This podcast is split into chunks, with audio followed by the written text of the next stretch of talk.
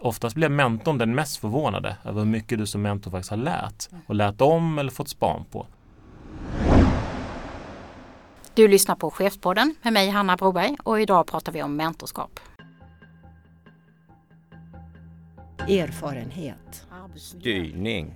Administration. Lyhörd. Kompetens. Underskott. Tillgänglig. Kommunikation. Motgång. Förtroende. Ansvar. Coachande. Rättvis. Konflikt. Tillit. Arbetsmiljö. Ledarskap. Hej och välkommen till Chefspodden med mig Hanna Broberg. Chefspodden görs av eh, Svensk Chefsförening och Akademikerförbundet SSR. Välkommen Johan Melander. Tusen tack! Vad härligt att ha dig här. Vi ska ju prata om mentorskap idag och det är ju någonting som du också brinner för. Men du eh, har skrivit en bok, Idéburen chef eh, och du har tidigare ganska nyligen varit eh, kompetensutvecklingschef på Rädda Barnen. Men du får berätta mer, vad gör du idag? Ja men vad spännande.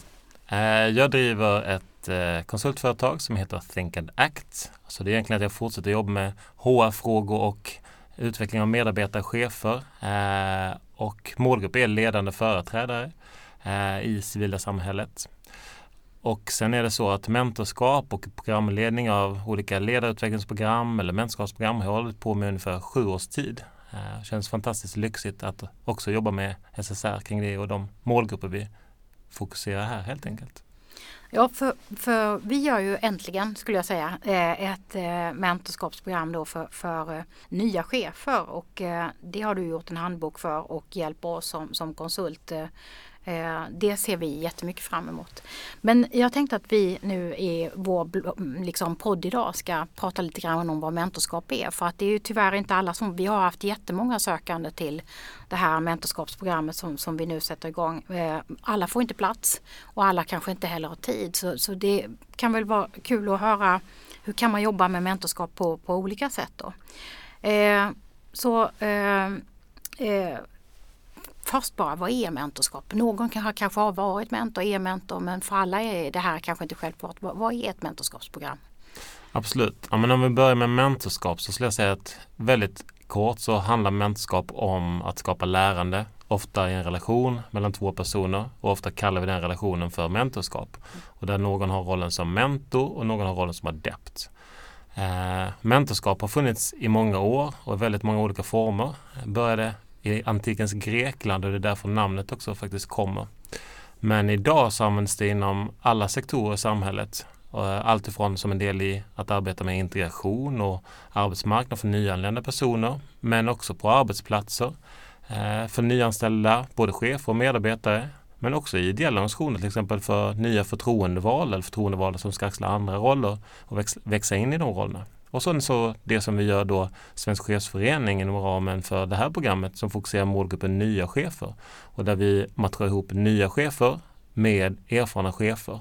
Eh, och där då den nya chefen är, kallar vi adept och den lite mer erfarna chefen kallar vi då mentor. Och syftet är då att de under cirka nio månader eh, kommer umgås, ha gemensamma träffar på olika teman som både upp, utvecklar mentorn och adepten. Då. Så formen mentorskap kan se rätt olika ut. Eh, det är det som är så spännande tycker jag eh, när man kan se eh, att det här mötet som blir mellan två personer och den här utvecklingen och den typen av samtal som man har och att det kan användas i så många sammanhang. Jag var involverad i ett stort mentorprogram för rätt många år sedan nu men, men där vi pratade om att det, det handlar väldigt mycket om i ett sånt här mentorskapsförhållande Eh, där ju både mentor och adept får ut jättemycket men att det handlar för adepten väldigt mycket om att man går in i någonting där en mentor då eh, någon annan får en att göra det man redan kan. Det är det som är liksom magiskt. Vad, vad tänker du om det? Att man får någon att göra det man redan kan? Ja, men absolut, jag tycker det är en bra beskrivning. Mentorn är inte nödvändigtvis någon som kan otroligt mycket mer alla gånger. Det kan vara så att mentorn har fler eller mycket erfarenhet av det adepten inte har lika mycket erfarenhet. Men det är också viktigt att betona jämbördigheten i relationen. Det är inte så att adepten kommer dit och ska suga åt sig allt och lite ödmjukt hierarkiskt lyssna på allt mentorn kommer med och ta in det okritiskt. Utan tvärtom är det verkligen ett ömsesidigt lärande.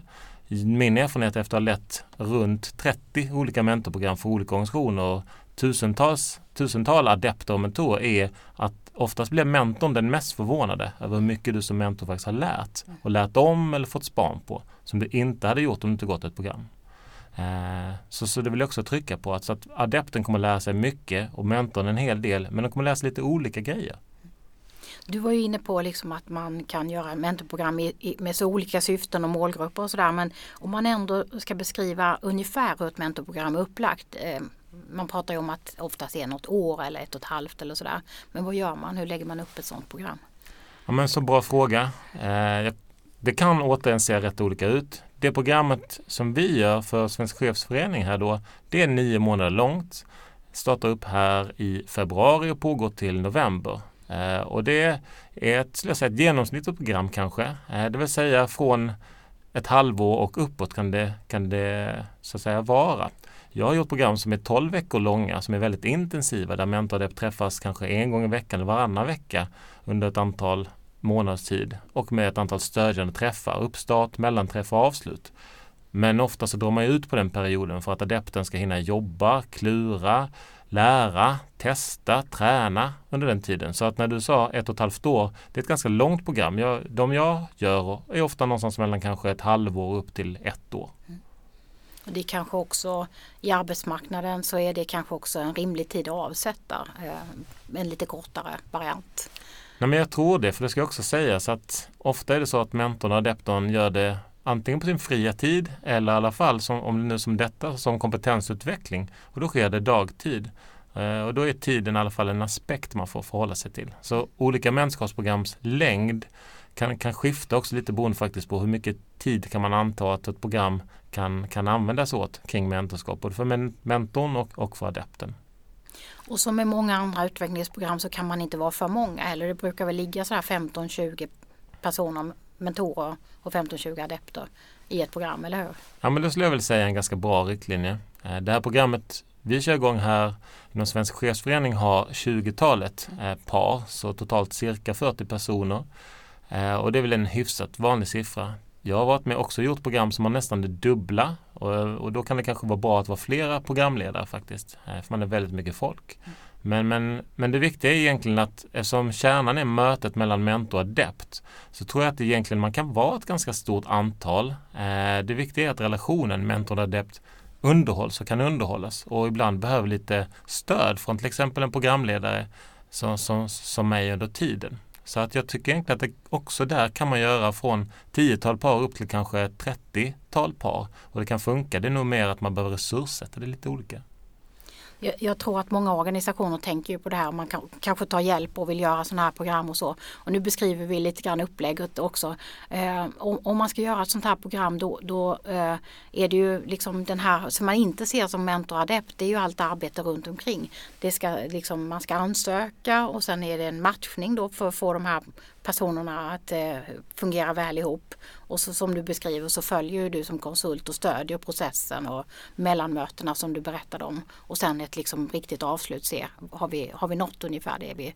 En del skriver ju kontrakt också om vad man vill göra under ett mentorprogram. Vad, vad tänker du om liksom formerna kring mentorprogrammet? Ja, alltså formerna är faktiskt det, det är ganska viktigt i ett program. Eh, och man kan tänka som att i början av ett mentorskapsprogram när relation etableras så behöver man bland annat som programledare eller som anordnare kanske vara lite tydligare formerna eh, om vad som förväntas och sen så allt eftersom programmet fortgår kan man kanske snarare ge, ge understöd. Och i början är det som du var inne på Hanna viktigt att, att bland annat göra det som jag i alla fall brukar kalla ett förväntanskontrakt som är väl mer en form av ett psykologiskt kontrakt som man däremot ibland kan skriva ner kärnan i och där man kanske pratar om sådant som vad förväntar jag mig av dig? Vad kan du förvänta dig av mig? Så man helt enkelt i början bygger sina gemensamma väldigt enkla spelregler. Och syftet med det är ju inte att, att skapa eh, en massa hinder utan tvärtom en, en tydlighet i relationen så att man inte sitter där och blir frustrerad från varsitt håll om man inte gör så som man Ja, någon kommer alltid sent och kanske bra att i början säga till exempel men det är viktigt för mig att vara i tid för jag har väldigt begränsat med tid av olika skäl. Eller att vissa till exempel säger att låt oss alltid ses vissa tider på dagen. Det passar mig extra bra för jag lämnar barn förskolan eller jag har en äldre förälder som jag behöver ta hand om. Sådär. Så att de där spelreglerna och förväntningarna i början, de är viktiga och jag tror också det är viktigt att trycka på att de ska man stämma av varje möte man har med mentoradept. De, lever vi upp till de här? Eller är det så att vi behöver Eh, addera någonting och har de ändrats under resans gång? Så. När man går in i sån här eh, eh, liksom förändring och utveckling och så, så händer det ju ganska mycket. Mentorprogram brukar ju hända saker. Ibland skämtar man om att liksom, sätt inte igång ett mentorprogram för då, då förlorar du två medarbetare eller sådär. Man, man börjar fundera kring liksom vad, vad är viktigt och vad vill man och sådär. Men då tänker jag, det finns ju andra varianter också. Introduktionsprogram eller ibland sätter man igång fadderprogram och sådär. Vad tänker du om, vad är skillnaden liksom på mentorskapsprogrammet och sådana här varianter på fadderprogram och sådär? Just det. Där skulle jag nog vilja säga att mentorskap är ingen skyddat begrepp eller varumärke utan liksom fadderprogram eller annat. Ibland så är jag tänker att det kan heta faktiskt lite olika saker. Däremot bör man vara tydlig vad innebär just vårt mentorskapsprogram? Eh, hur ser omfattningen ut? Hur långt är det? Vad ska det innehålla? Vem är målgrupp? Eh, hur ska anordnarskap, programledning se ut? Jag tror det är egentligen viktigare än om man kallar det mentorskap eller fadderskapsprogram. För min erfarenhet är att eh, i arbetslivet inte minst så kan det vara så att en organisation är mer bekväm med att kalla något fadderskap eller mentorskap av ofta mer att var och en gillar begreppen olika än att det är jätteolika saker. Det som däremot kan vara viktigt att ha med sig är att kärnan i ett mentorskapsprogram är ju att mentorns roll är av en mer stödjande, coachande eller vägledande karaktär. Det vill säga det är väldigt sällan en bygger ett mentorprogram som bygger på återigen att mentor ska berätta och sen ska adepten lite tyst tacksamt ta emot den kunskapen. Utan nyckeln i mentorskapsprogram trycker på det ömsesidiga lärandet. Jag tror det är viktigare än, än själva namnet på det. Jag tänker också att det kanske också handlar ganska mycket i mentorprogram om att det är ett individuellt lärande plus att man naturligtvis lär i, i, i den här gruppen, adeptgruppen också gemensamt. Men, men att eh, andra program kanske har inriktning eh, kopplade till ett företag eller organisationsmål och sådär. Att det är introduktion eller att det är fadderskapsprogram kan också vara att komma in i arbetsuppgifter och kultur i en organisation. Men mentor är lite mer individuellt fokuserat. Är, är det fel uppfattat eller hur tänker du om det? Nej, men det tänker jag, det kanske är en bra beskrivning du gör Hanna. Att också detta programmet vi nu fokuserar här inom Svensk chefsförening så, så är det mycket det du beskriver. Då kommer ju adepterna komma från sannolikt helt olika sammanhang, olika branscher, både offentliga och privata och kanske till och med ideella. Likaså mentorerna. Och då är det snarare adeptens individuella mål, individuella resa som är viktig. Och då relationen just mentorn-adept som är viktig. Så att jag delar väl den ingången just i sådana här program som är öppna i meningen att man har en mix av organisationer och deltar från lite olika håll och sektorer. Då är ofta det individuella perspektivet hos den enskilda adepten det som är vägledande. Och det är väl en av de viktigaste utgångspunkterna generellt apropå hur ska mentorprogram se ut, designas. Jag tror det viktiga är att utgå från att det är adeptens behov som styr. Det, det är viktigt oavsett adeptens mål. Att det är adepten som ska känna att jag är i centrum. Mentorns huvudroll är att stötta mig eller försöka underlätta för mig att nå de mål jag har med deltagande i det här programmet. Oavsett målens innehåll. Tänkte ändå, adepten styr, men jag tänkte ändå komma in på eh, mentorn. Vi har ju fått jättemycket ansökningar eh, vilket är fantastiskt kul. Jag, jag förstår absolut att, att eh, man som ja, ny chef kan känna att det skulle vara fantastiskt att få någon och, och, och speaking partner. Men, men varför blir man mentor tror du? Du har ju mött många som har varit där. Eh, ja. Jag också. Det, det finns någonting som är spännande med det. Ja, alltså jag tror mentorn återigen kommer kanske vara den mest i slutet av en sån här resa, den som känt att den har lärt sig mer och ibland lite annat än vad den trodde. I början kommer ofta en mentor till mentorskapsprogram och tänker att jag ska bidra, jag ska ge av min kunskap, jag ska ge av mig själv, av min tid och så vidare. Eh, min upplevelse är att mentor ofta lär sig väldigt mycket kring sitt eget ledarskap eh, lär sig väldigt och kan spegla sig då i en annan person. Nu kommer just detta programmet ha gemensamt att både mentor och adept är chefer. Så man har ju väldigt mycket att utbyta kring oavsett egentligen längd på erfarenheter så att säga. Sen tror jag att många mentorer också eh, deltar i sådana här program för egen utveckling. Eh, du nämnde det här med att vill man att någon ska ta ett steg vidare, erbjuder mig att delta i ett program. Det kanske ligger en lite skämtsam sanning i det men, mm. men det är också så att vad som händer är att du jobbar ju med dig själv, både som mentor och adept. Så den, de olika övningar och reflektioner kring ditt ledarskap, eh, erfarenhetsutbytet och berättelsen hos andra mentoradepter sätter igång en massa tankar hos dig också som mentor. Och, och givet att du tar in det och lyssnar på det så kommer du säkert börja fundera kring saker som du inte hade funderat kring om du inte hade deltagit i ett mentorprogram. Oavsett om det handlar om karriärmässiga mål eller upplevelser eller personliga sådana.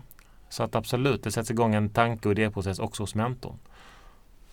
De, de ansökningar vi har fått nu då, eh, väldigt många både adepter och mentorer, de försöker vi ju då matcha så att det här ska bli liksom en, en bra förtroendefull relation och, och som kan prata bra med varandra. Inte säker på att liksom alltid att personkemin kanske är hundra. I vissa fall får man ju byta också om det skulle bli någon katastrof. Men, men, men liksom ingången när man blir en mentor av adept. Vad, vad krävs det för, vad är det man letar efter när man antar adepterna och när man sätter ihop matchningen? Vad, vad krävs för att man ska bli adept och mentor egentligen? Ja men det där är en nyckelfråga. Jag tänker precis som när det gäller rekrytering generellt så är det en extremt viktig process. Eh, så att rent konkret kan man säga att inför en matchning, alltså när en adept och, och mentor så att säga förs ihop inför programstart, då utgår återigen en anordnare från adeptens behov. Vad vill adepten lära sig? Vad har adepten för motiv med att delta i ett mentorprogram? Och som i detta fallet som ny chef. Så det är väldigt viktigt. Vad vill du lära dig som, som adept? Eh, och givet vad programmet kan erbjuda. Så då är det utgångspunkten. Sen är det så att i just det här programmet så är det ju så att eh, kommer vi kika på, har kikat på till exempel utbildningsbakgrund, roller, men utgångspunkten åt den är snarare kanske adeptens önskemål om vad lära sig, vad få ut av programmet, eh, vad vill du sen, alltså målbilderna. Sen matchar vi det givet sådana kriterier som utbildningsbakgrund, eh, roll, bransch och i viss mån också geografi. Det ska sägas detta är ett program som har som är ett nationellt mentorskapsprogram och det är också, kanske man ska tillägga, ganska många program generellt görs ju lokalt på en viss ort. Och detta är väl ett sätt att också göra det tillgängligt för deltagare över hela landet att, att erbjudas mentorskap. Eh, eftersom den generella relationen är mellan mentor och adept så kan du sitta i Härnösand eller Ystad likväl som i Stockholm och ha ditt mentorskap. Även om träffarna rent fysiskt genomförs i Stockholm. Men, och, precis, eh, och, om man ska säga någonting nu när man då har de här olika bakgrunderna så, så det gemensamma måste ju vara att man är både öppen som mentor att, att ge av sin kunskap men också som adept öppen just för den här individuella resan som man, man startar. Eh, den här öppenheten är väl, eller, försöker man luska i det när man eh, tittar på ansökningarna, eller hur? Se, är det en sån person? Absolut, och jag, jag vill verkligen trycka på att generellt så givet ett antal års erfarenhet och många olika program så, så är min erfarenhet att det är inte i sig om mentorn har exakt samma roll eller utbildningsinriktning eller rent av typ av organisation eller bransch som är det viktigaste. Det, det är snarare att mentorn i sig är en skicklig lyssnare, är ödmjuk inför adeptens behov och verkligen lyhörd för vad vill adepten lära sig få ut det överlag är viktigare än att matcha kanske på exakt samma utbildningsinriktning eller på exakt samma profession eller bransch. Så att tvärtom är så att felmatchning är sannolikare att det uppstår på grund av bristande förväntningar, att man från början inte pratar så mycket om hur vill vi ha det i vår relation eh, och stämmer av det längs vägen. Och att du som ibland som faktiskt mentor ibland har faktiskt en bild av vad det ska innebära som inte adepten har generellt är det så att vi har väldigt ambitiösa mentorer, både i detta programmet och i andra program, eh, är min erfarenhet. Och det kan vara snarare så att du som mentor känner att jag vill göra ännu mer. Och det kan ibland känna frustration hos dig själv att men jag skulle vilja bidra med också detta. Så känner du att men adepten kanske är nöjd, visar utvärderingen. Adepten är nöjd. Men du som mentor känner att jag vet att jag hade kunnat göra mer eller jag hade velat mer. Så att jag tror generellt så är det så att återigen en, en klok mentor lyssnar på vad vill adepten och vad kan jag göra för att underlätta under resans gång? Då är det också lätt att bli nöjd som mentor. Och då tänkte jag, nu har vi varit inne på formen och lite den här relationen och sådär. Men vad, vad är det konkret man gör? Det är samtalen men man fyller ju också på med lite träffar med, med adepterna och, och kanske några föreläsningar och så. Liksom vad var innehållet annars för, förutom träffarna med mentor och adept i ett mentorskapsprogram? Absolut. Nej, men om vi tar detta programmet konkret kan man säga att efter ansökan och matchning, det som sker är att det sker en uppstartsträff Den fokuserar särskilt på att bygga relationen mellan mentor och adept och lära sig grunderna i vad är mentorskap? Vad handlar adeptrollen om? Vad handlar mentorrollen om? Och, och också att lära känna både sig själva och gruppen. Och det ska också sägas överlag, både i detta programmet och andra, är det viktigt att, att de här träffarna är mer av erfarenhetsutbyte, hjärngympa, eh, samtal och olika kreativa övningar snarare än fem timmar eller tre timmars föreläsning. För att det sitter så många kloka människor i rummet som, som, som vi behöver forma för att dela den. Sen så genomförs ofta, även i detta programmet, en eller flera mellanträffar. Och då är det beroende på träffarnas längd kanske snarare så att ja, men då erbjuder man en mix mellan samtal och erfarenhetsbyte och ett antal teman. Och just i detta programmet har vi valt att fokusera till exempel den första mellanträffen som sker här under våren på chefens roll, omvärld, utöver då ett erfarenhetsutbyte. Och det innebär att du både som mentor och adept får ta del av väldigt aktuell forskning på området eh, och också har möjlighet att relatera den till din egen roll. Och en kommande träff har fokus mer på det handgripliga, det vill säga chefens verktygslåda, men erbjuder också modeller och, och tankesätt. Och sen i slutet så en sista träff. Detta programmet och andra har ofta fokus på att ja, men vad, vad lärde vi oss? Vad blev det av det? Hur tar vi vidare detta i vårt dagliga arbetsliv då? För det är också viktigt att när mentorprogrammet är slut så är relationen mentor-adept också slut. Eh, så det ska vi både fira men också tänka vad är nästa steg för dig som adept. Och självklart är det så att både mentor och adepter supervälkomna då att fortsätta träffas. Men då gör de det som vanliga människor i sina andra roller och inte som mentor och vi är så stolta och glada för det här programmet. Vi ska verkligen komma tillbaka till det och se vad som har hänt i, i det. Så vi pratar mycket om detta programmet som ett, ett exempel på hur man kan eh, bygga och jobba med mentor, mentorskap. Eh, men jag tänkte Johan, eh, adepten då som ska sätta mål för att delta. Eh, vad, vad, vilken typ av mål kan man sätta som adept eh, i ett eh, mentorprogram, tänker du? För det, det är ju adepten som styr säger du. Så vilka mål sätter man? Ja, men jag tror utgångspunkten är att dels Dels är det precis som du trycker, jag trycker på det igen, adepten behöver själv identifiera sina mål. Det, det, ska man nog vara lite försiktig med som anordnare eller som programledare. Eller mentor för den delen. Och då kan det gissningsvis i ett program som, som, som fokuserar på målgruppen chefer, i synnerhet då nya chefer, kan jag bara gissa mig till att en del adepter kan tänkas ha mål som handlar om egenutveckling, kommande roller, men också hur ska jag göra min nuvarande roll för att trivas i den lite extra bra.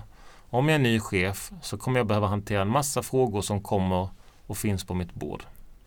Så att en del har säkert frågor som är mer dagsaktuella och vill ha bollplank eller förstå det lite bättre. Andra kan ha utmaningar på sin arbetsplats, sin ledningsgrupp, eh, med sin egen chef och kan vilja förhålla sig till det.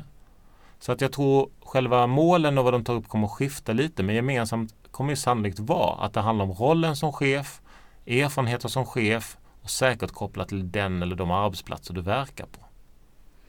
Det är ju spännande att se också för mentorskap. Du har drivit ett 30-tal program, jag har varit med i eh, rätt många också. Eh, det finns ett jättestort intresse att använda mentorskap eh, eh ute i olika organisationer. Eh, och jag såg, eh, jag tror det var Sunt Arbetsliv för ett par år sedan som, som skrev om Karlstad kommun som hade gjort ett sånt inom vård och omsorg. Eh, och där var syftet då att man skulle få en chefsrekrytering intern eh, chefsrekrytering och eh, som verkade ha fungerat otroligt väl med matchning med, med äldre seniora chefer och en, en särskild projektledare som jobbade med det. Eh, men, men om man som organisation eh, kan man använda mentorskap liksom till alla typer av kompetensutveckling? Vad, vad tänker du hur, ska, hur man ska, ska tänka som organisation om man vill sätta upp ett sånt här mentorskap och, och driva det? Hur, hur kan man göra? Ja men det det är en viktig aspekt. Jag tror så här, när man väljer så här, säger sig själv som organisation eller anordnare, oavsett om man är stor, stort företag, en kommun eller en idéburen organisation, tror jag det är viktigt att man tänker hur långt tidsperspektiv har vi? Det tar ganska mycket tid och, och viss ekonomisk resurs att, att göra ett mentorskapsprogram om man nu syftar på att göra ett lite längre program. Både kommer det ta tid av de som jobbar med det, en programledning och anordnare men det kommer också vara så att det kan ta lite tid att bli riktigt vass på att anordna program. Så det kan ju vara så att en organisation som jobbar med formen mentorskap i, i säg ett internt på ett företag eller i en kommun, en socialtjänst, exempelvis då ska tänka flerårigt, kanske minst tre år i alla fall, innan man sparkar igång ett lite större program för sina medarbetare eller chefer. Och skälet till det kan också handla om att det första programmet kommer bli bra men ofta blir program två och tre ännu bättre. Så varje program kommer du lära dig någonting. Det tror jag är en klok ingång. Kast mycket resurser att göra ett program oavsett organisation. Så att varje program kommer överlag ta lite kortare tid att göra, kommer att ha lärt dig mer från tidigare program. Sen är det så att jag har till exempel jobbat med ett statligt bolag tidigare som använde mentorskap som en del i sitt så kallade trainee-program. Och då var mentorskap en form för att en hyfsat nyutexaminerad person skulle komma in i företaget eller statliga bolag på ett bra sätt. Och då är det i sig en bra form inom ramen för ett traineeprogram. Traineeprogrammet i sig funkar som en ingång till till exempel chefstjänster eller höga specialisttjänster på det här företaget. Då. Så, det, så återigen så kan mentorskap vara en fantastisk form för lärande. Eh, så formen kan man använda på olika sätt. Eh, och en del organisationer är väldigt tydliga med vad det ska leda till. Internt, det kanske skiljer det här programmet från en del andra. För att det här programmet är ju, som du var inne på, för den enskilde adepten eh, och dennes mål. Medan internt i en organisation så, så är det ofta kopplat till kanske företagets eller den offentliga aktörens eller den ideella organisationens mål. Och då kanske det, organisationen också vill styra lite tydligare. Det skiljer lite från det här programmet till exempel. Och då kan det handla om att eh, ett sånt här strategiskt eh, eh, satsning som man gör eh, på ett mentorprogram i en organisation så, så eh, kan det handla om hur man får avsätta tid om man liksom kanske får eh, till och med lite extra lön om man har gått program och det kan vara väldigt många andra saker, eller hur? Så kan det vara. Det kan också vara att mentorprogrammet, om återigen formen är mentorskap men fokuset är till exempel att, att eh, bygga kompetensutveckling för Eh, eller bygga, jobba med sin kompetensförsörjning helt enkelt som organisation. Det vill säga sin framtida ledarförsörjning. Då är det kanske så att mentorprogrammet i sig också har ett ganska uttalat eller ibland outtalat syfte att, att sålla agnarna från vetet. I meningen att funka som en rekryterande aspekt. Där du under lite längre tid organisationen ser, men är person X beredd att ta på sig ett större ansvar? Och då bygger kanske mentorskapet lite mer på att ska lära dig en massa kunskaper och kanske är, ibland lägger man in också psykometriska aspekter. Interna mentorprogram är inte helt ovanligt att kanske ingå olika former av tester. Eh, kan vara begåvning, kan vara personlighet, kan vara motivation, kan vara grupputveckling. Också som ett sätt att, att på lite längre sikt jobba. När du då ansöker och det kommer enormt mycket mer ansökningar än, än vad man sen tar in. Hur hanterar man de som inte kommer med? Och det blir en, liksom, en fråga som dök upp i huvudet på mig. Och jag vet att det handlar om en del besvikelser ibland när man har gjort sådana här program. Nej, men det, det kan vara så, precis som du är inne på, att alla som söker så, så är det också i det här mentorskapsprogrammet. Vi har ju klart många fler sökande, till exempel adepter, än vad vi har platser. Det jag tror är viktigt åt att tänka där, är man som anordnare långsiktigt i sitt sätt så bygger man en dels lång medlemsrelation med de här och snarare beskriver andra erbjudanden som, som organisationen har till de här medlemmarna. För då har de visat att jag vill vara engagerad inom den här organisationen. Jag kanske vill ha en annan form av uppdrag eller söka mig till en annan form av kompetensutveckling eller förtroendevald roll. Det är en aspekt. Men överlag så är det ganska klokt att bygga någon form av eh, adept eller mentorskapsbank. Så att nästa gång organisationen genomför ett mentorskapsprogram så har du kanske redan ett 30-tal eller ett hundratal adepter och mentorer som, som redan är redo att kliva in i det. Och det, behöver, det är ett stort plus. Och det lär sig ofta anordnare efter ett första program man inte tänkte från början att just det, vi bygger den här banken successivt. Så generellt så tar det på sikt mindre tid att ägna sig åt att hitta rätt mentor respektive adept och matcha det än vad det tar kanske en första omgång. Givet att man från början säger att man bygger den här långa relationen. Nu har vi ju pratat mycket om själva programmet och, och hur man och vårt eh, program som eh, Svensk chefsförening och Akademikerförbundet SSR har som, som ett exempel då. Men, men eh, jag tror ju att många kanske inte kommer att vara med i ett program men skulle ändå vilja eh, få till en sån här speaking partner. Så, hur kan man tänka? Kan man, kan man eh, få till en slags mini mentorprogram eh, eller en mentor-adept-relation men inte ett program?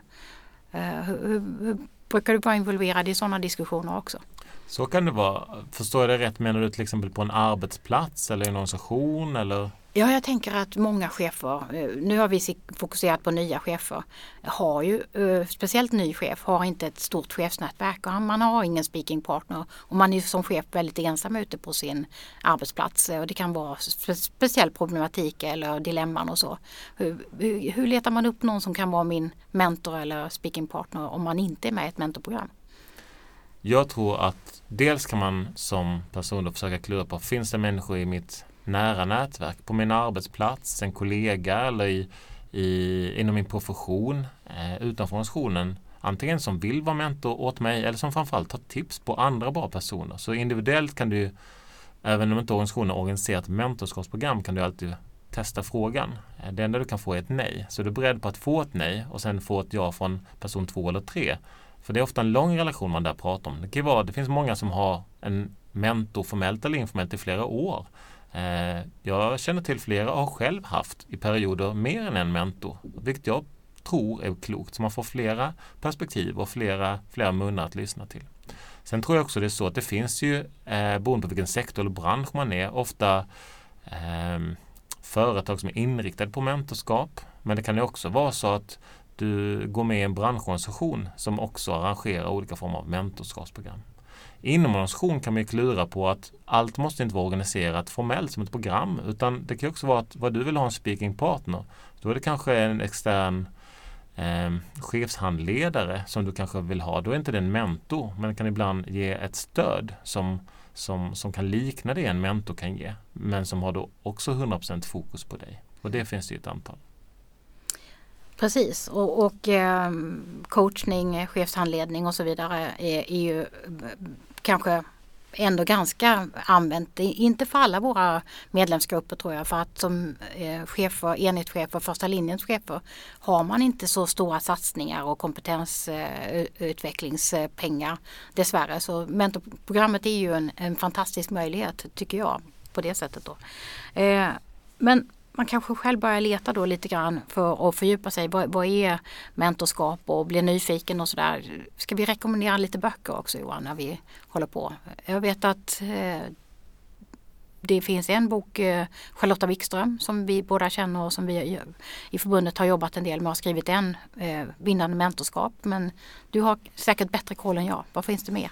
Nej, men det finns ju några generella mänskapsböcker, svenska och, och, och, till exempel på engelska eller amerikanska som, som är generellt läsvärda. De har ofta generella tips. Det jag tror man också kan klura på är är organisationen tillräckligt stor eller avsätter tid och pengar för program är ska vi ta fram en egen handbok för vårt program? Och det är min upplevelse att allt fler organisationer väljer att göra. För att istället för att ha 250 sidor text så har du kanske 30 eller 40 sidor som du dessutom då är unikt anpassad till din organisation eller till din bransch eller till den målgrupp som då ska delta i ett program. Så ganska vanligt är att anordnare tillsammans med konsulter och programledare tar fram någon form av material. Då. Och det har vi också i detta programmet. Sen kan vi säga så att det kommer allt fler, som du är inne på, eh, områden där mentorskap tillämpas. Eh, själv sitter jag och skriver på en mentorskapshandbok som, som kommer att släppas här i vår tillsammans med en kollega.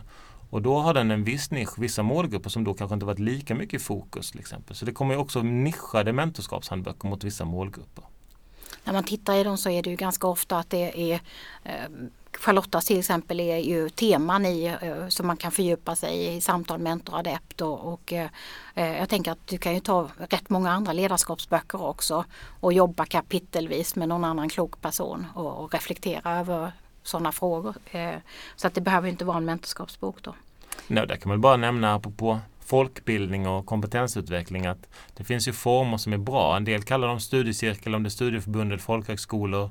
Andra kanske kallar det lärgrupp på sin arbetsplats. Så det finns ju också, ska sägas i sitt dagliga sammanhang, alla möjligheter att själv förkovra sig i eh, det hela. Däremot det ska vara lurigt själv är att man vet ju faktiskt inte alltid vem, vem som skulle kunna vara en bra mentor. Så generellt om man inte i en organisation organiserat mentorskapsprogram eller som detta är ett öppet och du kan söka till då och det är flera människor från hela landet så kan ju vara att snarare klura på vilka människor i min närhet kan tipsa mig om andra bra personer som kan vara en mentor. Och då kanske det inte är så att du som i detta program tar träffar i meningen med andra adepter och mentorer. Men du får till det där personliga mötet och, och spegeln av dina frågor och reflektioner under lite längre tid. Tusen tack till dig Johan. Vi får komma tillbaka till det här med, med mentorskapsprogrammet som Akademikerförbundet SSR och Svensk chefsförening har och höra vad adepter och mentorer tänker också. Så tack Johan. Tusen tack för möjligheten att delta nästa chefspodd eh, eh, har vi tänkt träffa en väldigt erfaren och klok chef som har skrivit en, en bok om, om eh, chef och ledarskap. Så det blir också ett, ett samtal att komma tillbaka till. Välkomna!